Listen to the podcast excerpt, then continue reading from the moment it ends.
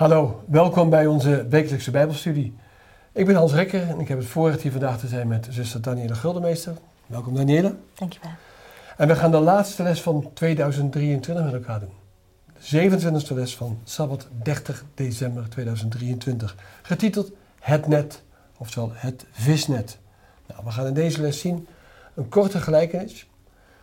Een korte gelijkenis gaat uiteindelijk over goede en slechte vissen. Oftewel over gelovige en minder gelovige mensen. Maar we gaan ook kijken hoe je daar zelf actief in kan zijn. Maar ook wat je, wanneer het oordeel erover uitgesproken wordt. Wat is nou goed en wat is slecht? En wie dat dan doet. Nou, voordat we al deze vragen gaan behandelen, zien we eerst op in gebed met zuster Daniela. Lieve Vader in de hemel, we komen tot u, heren, om u om hulp te vragen voor het doornemen van deze les. Wilt u toch met uw Heilige Geest aanwezig zijn? Wilt u ons goede gedachten geven, dat we de les mogen begrijpen, maar dat we ook de toeschouwers thuis het kunnen begrijpen? Wilt u toch met ons zijn? Wilt u helpen, heren, dat we ook een licht in deze wereld kunnen zijn, dat we liefdevol voor elkaar zijn, niet elkaar oordelen, maar elkaar helpen en ook uh, zachtgezind zijn voor elkaar. Dank u, Heer, dat u voor ons bent gestorven en dat u onze zonde wilt vergeven. Dat vragen we alles in de naam van Jezus. Amen. Amen. Ja, heb je, heb je wel eens een visnet gezien? Ja, ja. ja. Ik heb het wel eens gezien, niet zo ja, grote natuurlijk, en, en filmen, maar ook kleine, vierhoekige, om een paar kleine vissen te vangen. Ja, precies. Uh, ik ben getrouwd met een Katwijks meisje. Uh, haar vader is visser geweest, hè, broeder van de Blas. Mm -hmm. uh, en, en, en het dorp Katwijk zit nog vol met visgedrag, laat ik het maar zo zeggen. Dus ook Ja. met, met netten, met visnetten. En een visnet wordt uh, of geknoopt of, ge, of, uh, of gewe- geweven. En het kan stuk gaan. Hè. Soms moet je dat, we zien zo meteen nog dat Andreas en Johannes waren net aan het repareren. Ja, Dat deden ze in Katwijk op het Wandveld. Hè, dat- Zo heet dat steeds die plek. Eh, omdat de- een visnet is wezenlijk, als je veel vis wil vangen, om een net te gebruiken. En niet een hengeltje, laat ik het zo zeggen. ja, met hengeltje vang je één voor één. Ja, Met een vis kan je gelijk eh, een hele lading vangen, een hè, als je goed lading bent. vangen, precies. Ja, nee, ja. Nou, nou, daar gaat deze les eigenlijk over, een lading vis vangen. Ja. Ehm, zou je de Matthäus 13, vers 47 willen lezen voor me? Dus de Ja. gelijkenis, heel kort maar. Het koninkrijk der hemelen is ook gelijk aan een net, uitgeworpen in de zee, dat allerlei soorten vissen bijeenbrengt. Ja. Ja. Dus een mooie gelijkenis van Jezus, die bij het meer van Galilea is, die wat ziet gebeuren en daar een vergelijkenis over maakt. En wij gaan het nou proberen te begrijpen wat hij toen bedoelde, 2000 jaar geleden. Ja, en die vissers die wisten gelijk waar het om ging. Hè? Die konden het Ja. gelijk. Het was hun dagelijks werk. En vaak gingen mensen ook toekijken als de vissers terugkwamen. Die wachten al op die verse vis. Ja. En die wisten precies wat daarmee bedoeld was. Ja. Het was hun dagelijks leven. Het mooie is, in, in de inleiding staat het ook, we hoeven niet te lezen, maar we noemen het maar, dat als je dat, die gelijkenis gehoord had en als je het dan weer ging doen, denk je, oh ja, Jezus Ja. had daar een verhaal over verteld. Ja. En dus dan bracht je het constant in herinnering weer. En hun gedachten gingen ook gelijk uit naar God, hè? naar het koninkrijk. Ze werden gelijk gericht op iets moois. En dat is het doel van deze hele gelijkenis. En we gaan kijken hoe- hoe we daar ook heel serieus mee moeten wezen. Het eerste paragraaf gaat over geroepen om vissers van mensen te zijn. Dus niet vissers van vissen, maar van mensen. Mhm. We gaan eerst naar het Oude Testament. De profeet Jezaja vergelijkt de wereld en haar bewoners met iets. En waarmee vergelijkt hij de wereld en zijn bewoners? Ja, ik vond het een hele mooie vergelijking met een opgezweepte zee. Ja, eh, die niet tot rust komt. En als een zee niet tot rust komt, dat zegt ook de Bijbeltekst, dan wordt modder en slijk opgewoeld Ja. En vertroebelt ook het water. Je ziet dan ook niks meer. Ja. hè? we weten allemaal dat na een storm op het strand ligt allemaal rommel en rotzooi, zeg ik Mhm. maar even dan. En dat komt allemaal door die onstuimige zee. Ja. Openbaring geeft antwoord, wat wordt nou vaak met die zeeën bedoeld in de Bijbel? ja, nou ja, de, de zeeën, dat zijn, eh, de, Bijbeltekst in openbaring zegt, hè, de hoer die aan de wateren zit. En dat zijn volkeren, menigten, naties en talen. Ja. Dus eigenlijk het, ja, het wereldmeer, kan je het Ja. noemen. Hè? De hoe gaan we niet uitleggen in dit geval. Een kort en krachtig, dat is Babel. Eh, en dat is dus de, af, het afva- de afvallige ge- gemeentes. En die zit in dit geval aan, aan heel veel mensen. Ja. En die mensen die zijn ook allemaal door elkaar, want het is niet duidelijk Ja. en scherp, het is troebel. alles is gemengd, onduidelijkheid. En daar zwemmen dan die vissen tussen. Ja, Goede en slechte mensen. ja, Hè, Dus ja, in het troebele water. precies. Nou, daar gaan we straks over hebben hoe je dat kan scheiden. Even een hele praktische vraag. Hè. Het tweede deel van één is: wat is Mhm. nou het beste moment voor de beroepsvissers om te gaan vissen? Ja, dat is in de nacht. Hè? Dat, Ja. dat zegt Petrus ook. Ik heb de hele nacht gevist. En toen had hij niks gevangen en alles was voor niks. Dus Ja. ze waren in de nacht Ja. vissen. En als je denkt, waarom is de nacht nou zo ideaal? Nou, er zijn allerlei redenen voor. Eh een van die redenen is die ik kon bedenken. Een net zie je niet in het donker. En vissen zijn niet, ja, vissen zijn niet slim, wil ik zeggen, maar ze, zijn, ze weten wel hoe ze zich moeten redden. Maar als ze een net zien, dan smeren ze. hem. Ja, En wat jij heel terecht ook zei, zelfs schaduwen van mensen vluchten ze voor weg. ja, En in, in de nacht zien ze die gewoon niet. nee, Dus dan worden ze makkelijker gevangen. ja, En eh, vissen hebben geen, eh, geen slaapkamer waar ze een dutje gaan doen. Ja, ze moeten blijven gewoon zwemmen in, de- in het water, dus dan kan je ze vangen. Ja. Eh, de tweede vraag. We hebben het al een beetje over gehad. Eh, de, de, wolk, de, de, de zee, de onstuimige zee, die slip en modder. Wat is dat nou in het leven, slip en modder? Die ja. We hebben het eerst over de zee gehad, zeg je. Ja. En nu is slip en modder in, in ons eigen leven eigenlijk. Mhm. Zijn alle slechte karaktereigenschappen. Hè? Zoals ook hier staat afgunst, eigenbelang, hè? het egoïsme, dat je aan jezelf denkt. Het is ook eh, niet voor niks dat in de Bijbel staat, eh, als je een rein karakter wilt hebben, moet je gelouterd worden door vuur. Ja. Dan kom, of eh, Ja. geslepen. En ja, het vuur kan je ook vergelijken met de Heilige Geest. Ja? Wordt ook vaak gebruikt als de. Heilige Geest. En die, die helpt je dan, die brandt zeg maar dat slechte weg, die slijk Ja. en die modder. Ja. En dan blijft eh, iets moois terug. Er blijft iets moois achter, precies. Nou, het tweede deel van de vraag gaat over waarom is het nou zo belangrijk. Hè? Nou, laat ik die beantwoorden in dit geval. Want Colossense 2 zegt heel mooi, waarvoor, waar moet je nou alert op zijn? Pas op, zegt Paulus, dat niemand u als buit meesleept. Waardoor? Door filosofie en een inhoudsloze verleiding. Ja, En dan zegt hij volgens de overlevering van de mensen. En volgens de grondbeginselen van de wereld, maar niet volgens Jezus. Mhm. En hoe kan je dat nou praktisch toepassen? Als een voorbeeldje maar. Hè? Dus, eh, wat is nou een over, de ver- of een overleving van de mensen? Nou, laten we maar de evolutietheorie als voorbeeld nemen. Oh ja, Uit de 19e eeuw is het door Darwin bedacht op zijn reis over de wereld. Dacht hij, nou, de, de, de survival of the fittest is Mhm. eruit gekomen. En zo zou de mens ook wel ontstaan zijn. Nou, dat, dat is waar Paulus voor waarschuwt. ja, Want ze zijn niet gegrondvest op de beginselen van Jezus. precies. Of tradities, hè? Uit, Ja. uit de kerk bijvoorbeeld, hè? uit kerken, verschillende. Ehm, eigenlijk weet niemand goed waarom het is. Het is overleverd, overleverd, het is een traditie. Maar het is helemaal niet op de Bijbel gegrondvest. Het heeft niks met christelijk geloof te maken, niks met Jezus. Dus het evangeliewerk is om terug te brengen naar de zuivere waarheid. Ja, En als mensen zeggen, ja, maar waarom moet ik het anders doen? Dan zegt het omdat het in de Bijbel niet zo staat. ja. De Bijbel is de maatstaf. Ja, is de maatstaf. Nou, dat gezegd hebben, de opmerking slaan we over, want die behandelen we bij 6. Dat past, daar komt dezelfde tekst weer terug en wij vonden hem mooier bij 6 te passen. Dus Ja. dan weet u dat in ieder geval dat we het niet vergeten hebben. De derde vraag dan. Wat deed nou Jezus vaak aan de oevers van het meer van Galilea? Ja, Jezus die woonde daar ook in de buurt en daar ging Ja. hij heel vaak heen. Hij ging gewoon naar het water kijken, naar de vissers die daar werkten. Ja. Eh, fijn in de natuur. Ja. Hij sprak ook vaak tegen mensen aan het water. Water heeft ook de eigenschap dat het goed draagt, het geluid. Ja. Ik ben dan goed te horen. Dus ja, Jezus vond het fijn om eh, naar het water te gaan. En hij heeft toen ook de vissers geroepen. Precies, wie ontmoet hij dan tijdens zijn wandelingen? Want het tijdens zijn wandelingen ontmoet hij een paar Ja, mensen. ja. Nou, hij zag eh, Petrus en Andreas. Mhm. Het weer de twee discipelen ook. En Joha- Jacobus en Johannes. Ja. Dus ja, er waren eigenlijk eh, vier van de discipelen Ja, dat zijn die vissers Ja, waren. ja. Ja. Wat mij zo boeide in dit geval ook, is dat zij waren aan het werk. Dus het waren geen werkeloze mensen Mhm. die niks zaten te doen. Van Jezus, zei, ik heb wat beters voor jou, ik heb een, eh, je bent werkloos, ik heb een klusje voor je. En ze hadden een baan. Mhm. En we weten van Petrus ook, die had een schoonmoeder, dus had hij ook een vrouw, waarschijnlijk een gezin. Dus zij moesten ook een gezin onderhouden, maar toch volgden ze Jezus zonder enige discussie. Ja. En dat is iets heel moois om te zien in dit geval. Want hij nodigt zijn discipelen ook vandaag uit om te doen. Wat zegt hij dan? Ik ga je vissers van mensen maken. Daar gaat dit kopje over. Ja, ja. Ja. Hij had iets beters voor hun Dan het normale visserswerk. Ja. Dus vissers van mensen. Ja.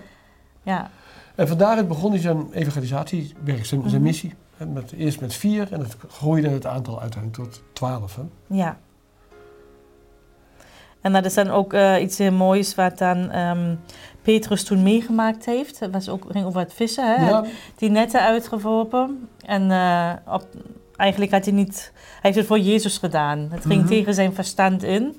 En die netten waren vol met vissen. En er moest zelfs nog een boot bijkomen ja. om te helpen om het eruit te halen. En dat kunnen we ook weer met het evangeliewerk zo zien. Ehm, we hoeven het niet alleen te doen. Eh, we werpen het net uit, maar Jezus zorgt ervoor dat die vissen ingaan.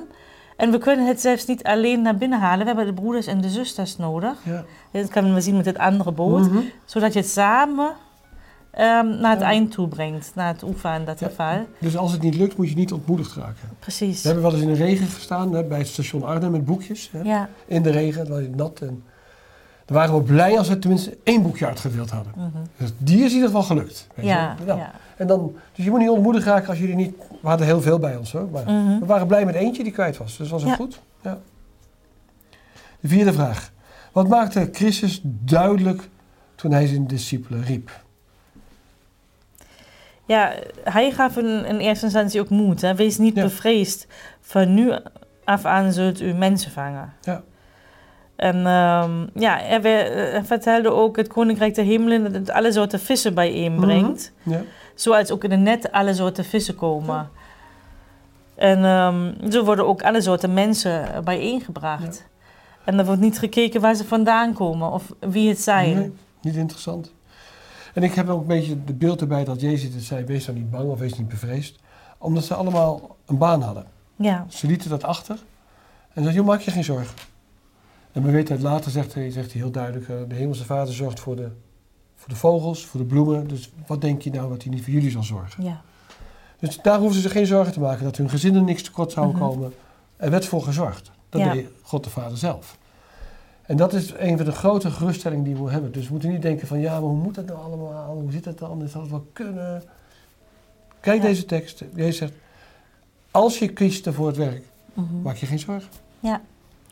En wat ook heel mooi is in de opmerking: Gods engelen zullen samenwerken met hen Mooi die zich met dit werk bezighouden, die alles in werk stellen om verloren zielen te redden, om hun kansen te geven die velen nooit hebben gehad. Dat het is een, is een enorme geruststelling. Ja, Dat je denkt, ja, maar moet ik het nou alleen doen?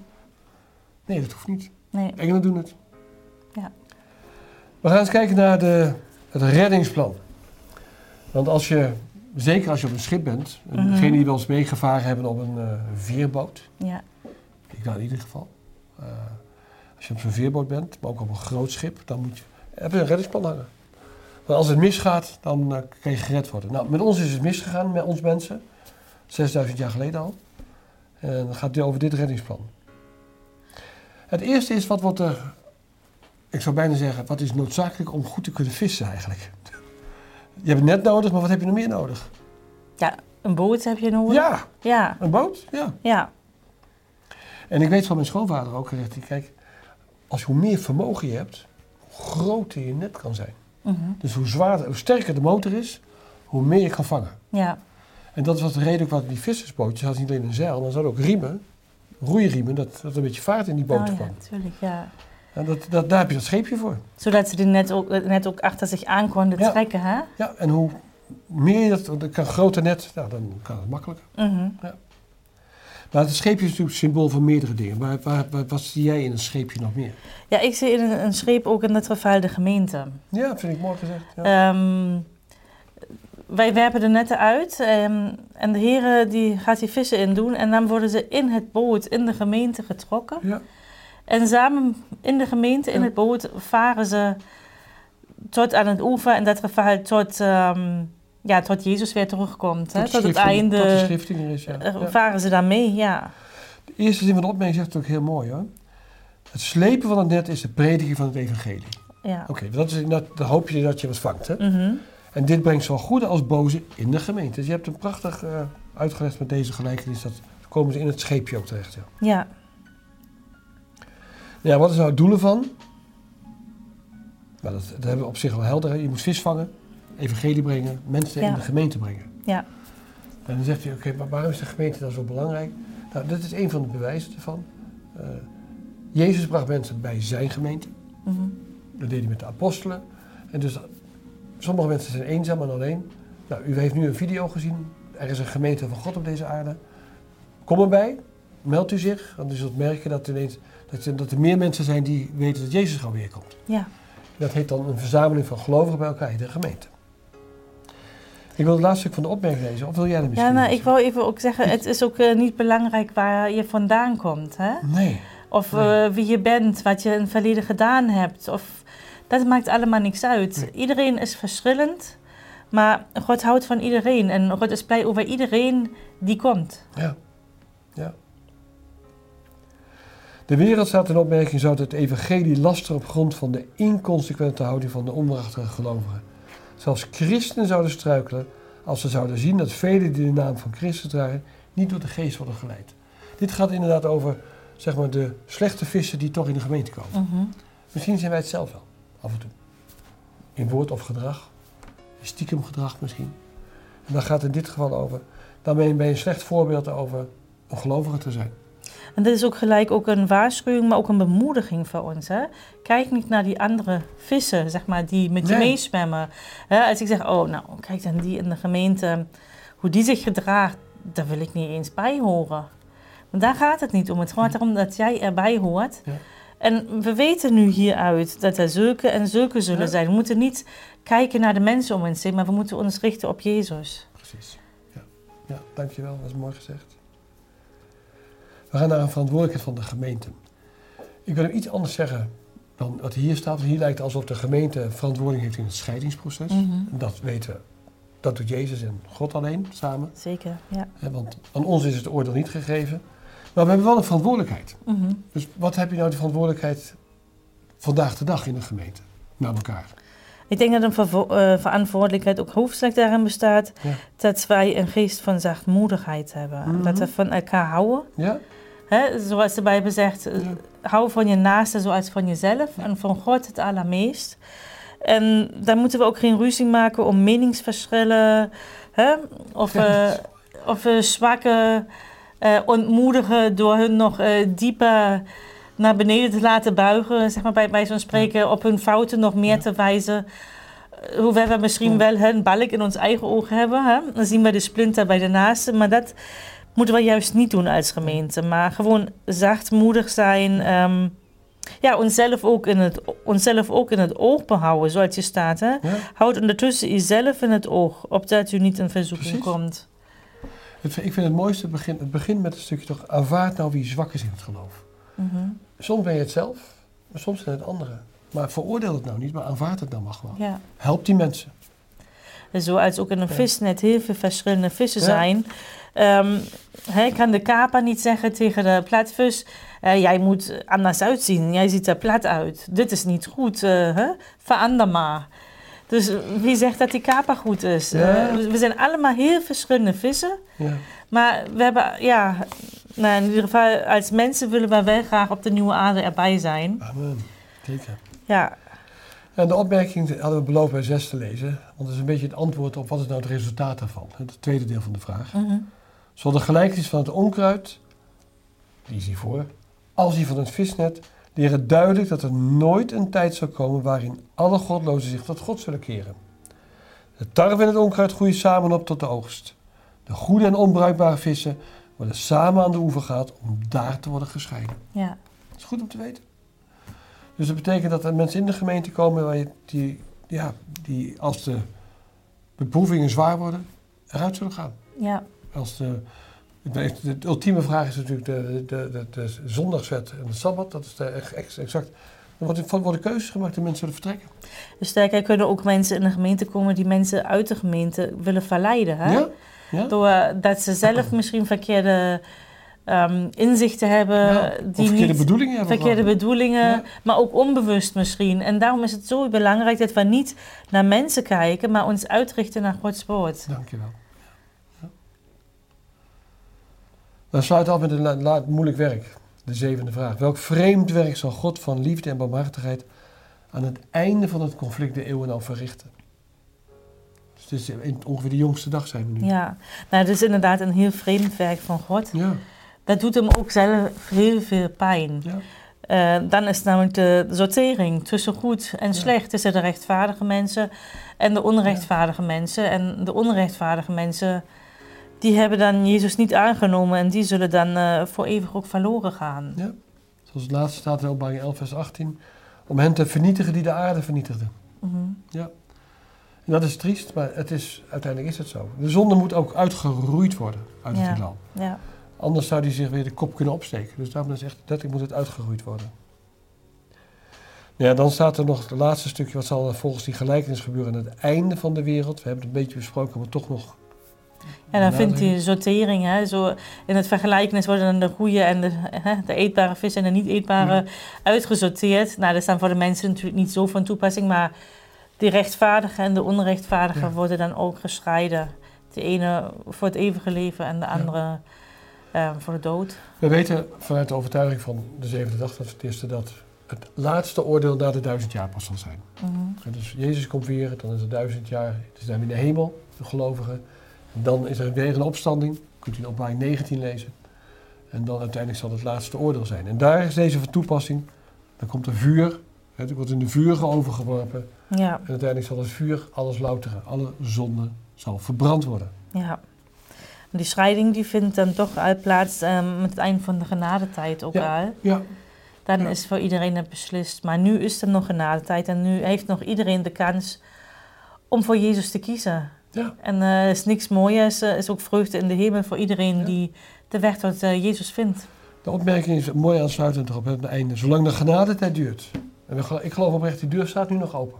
Zeker, ja. Smeekt zijn geest de mensen om de gave van het leven te aanvaarden. Alleen zij die aan dit smeken weerstand bieden, zullen verloren gaan. God heeft gezegd dat de zonde moet worden weggedaan als een kwaad dat het universum schade toebrengt. En zij die aan de zonde vasthouden, zullen daarmee ten onder gaan. Dus in uw eigen hart, ik ook, Daniel weet het ook, heb je zwakheden. Die sommige mensen helemaal niet weten. Zelfs je man of je vrouw weet die niet. Maar jij weet het wel. Het hoeft geen groot ding te zijn. Het kan ook klein dingetje zijn. Hè? Ja. Ja, als je daaraan vasthoudt, dan zegt hij, ja, het bevalt me zo. Het is mijn hele leven al bij me. Dus ik wil het me eigenlijk maar een beetje bij me houden. Ja. Ja. dat mag dan. Je mag het bij je houden, maar verwacht niet dat je zalig wordt. Nee. Want je- met een klein zondetje kan je niet de hemel in gaan. Dus ook die zondes moeten overwonnen worden. En God geeft kracht daarvoor. Hè? Dus dat is het mooiste. En het is ook een strijd, hè? Het kan, Ja, eh, de ene dag gaat het goed en de andere dag gaat het weer slecht. Het is altijd vallen en opstaan. Maar het is de bedoeling dat we iedere keer opstaan. Iedere dag kunnen we nieuw beginnen. in de kracht van Heer kunnen we opstaan. Precies. Altijd, absoluut. Ja, hoor. Nou, dan gaan we naar verdere studie. Is het boekje uit. Voor verdere studie staat dan eh, een paar dingen vooral over Petrus. Wat heb jij eruit gehaald, Daniel? Ja, ik heb uiteraard pas nadat Petrus hè, zelfverloochening en zijn afhankelijkheid van God eh, bewust werd, Ja. toen kon hij eigenlijk pas echt voor God werken. En toen kreeg hij de opdracht om voor Christus te werken. Dus pas toen hij zelf eh zegt, ik kan het niet uit eigen kracht. Ja. Soms willen we het allemaal zelf doen. Hè? We denken, ja, doen dat wel even en dit en dit. Maar we moeten zien, we kunnen het niet zelf. Die vissen gaan ook niet van, van ons in het net. Dat doet de Nee, Heer. Die doet precies. die vissen in het net. Ja, ja. Ja, het is heel interessant als je deze gelijkenis... Die hele simpele gelijkenis is eigenlijk één zin. Mhm. Hoeveel betekenis daarvan heeft voor je eigen leven. Dus laten we ons maar vangen in dat, gevangen worden in het net.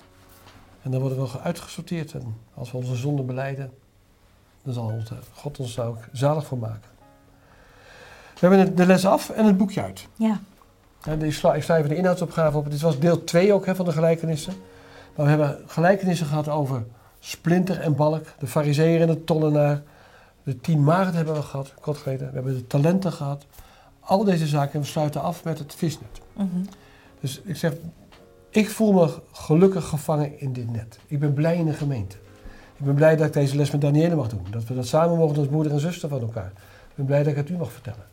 Maar het belangrijkste nog is dat de Heilige Geest in u mag werken. Dat u zegt uiteindelijk, ik wil me bekeren. Ik wil graag een kind van Jezus zijn. Dat Jezus mijn verlosser is, zodat we het samen de eeuwigheid mogen zien. De Heer geeft u de kracht, de Heer geeft u de wijsheid. De nieuwe lessen gaan over heel wat anders. Die gaan over de handelingen van de apostelen. En dat is een hele studie op zich van het komende half, eerste half jaar van 2024. En daarom aan het einde van dit jaar. De Heer geeft u de kracht ervoor om sterk te zijn, om te overwinnen in de kracht van de Heer. De Heer zegen u.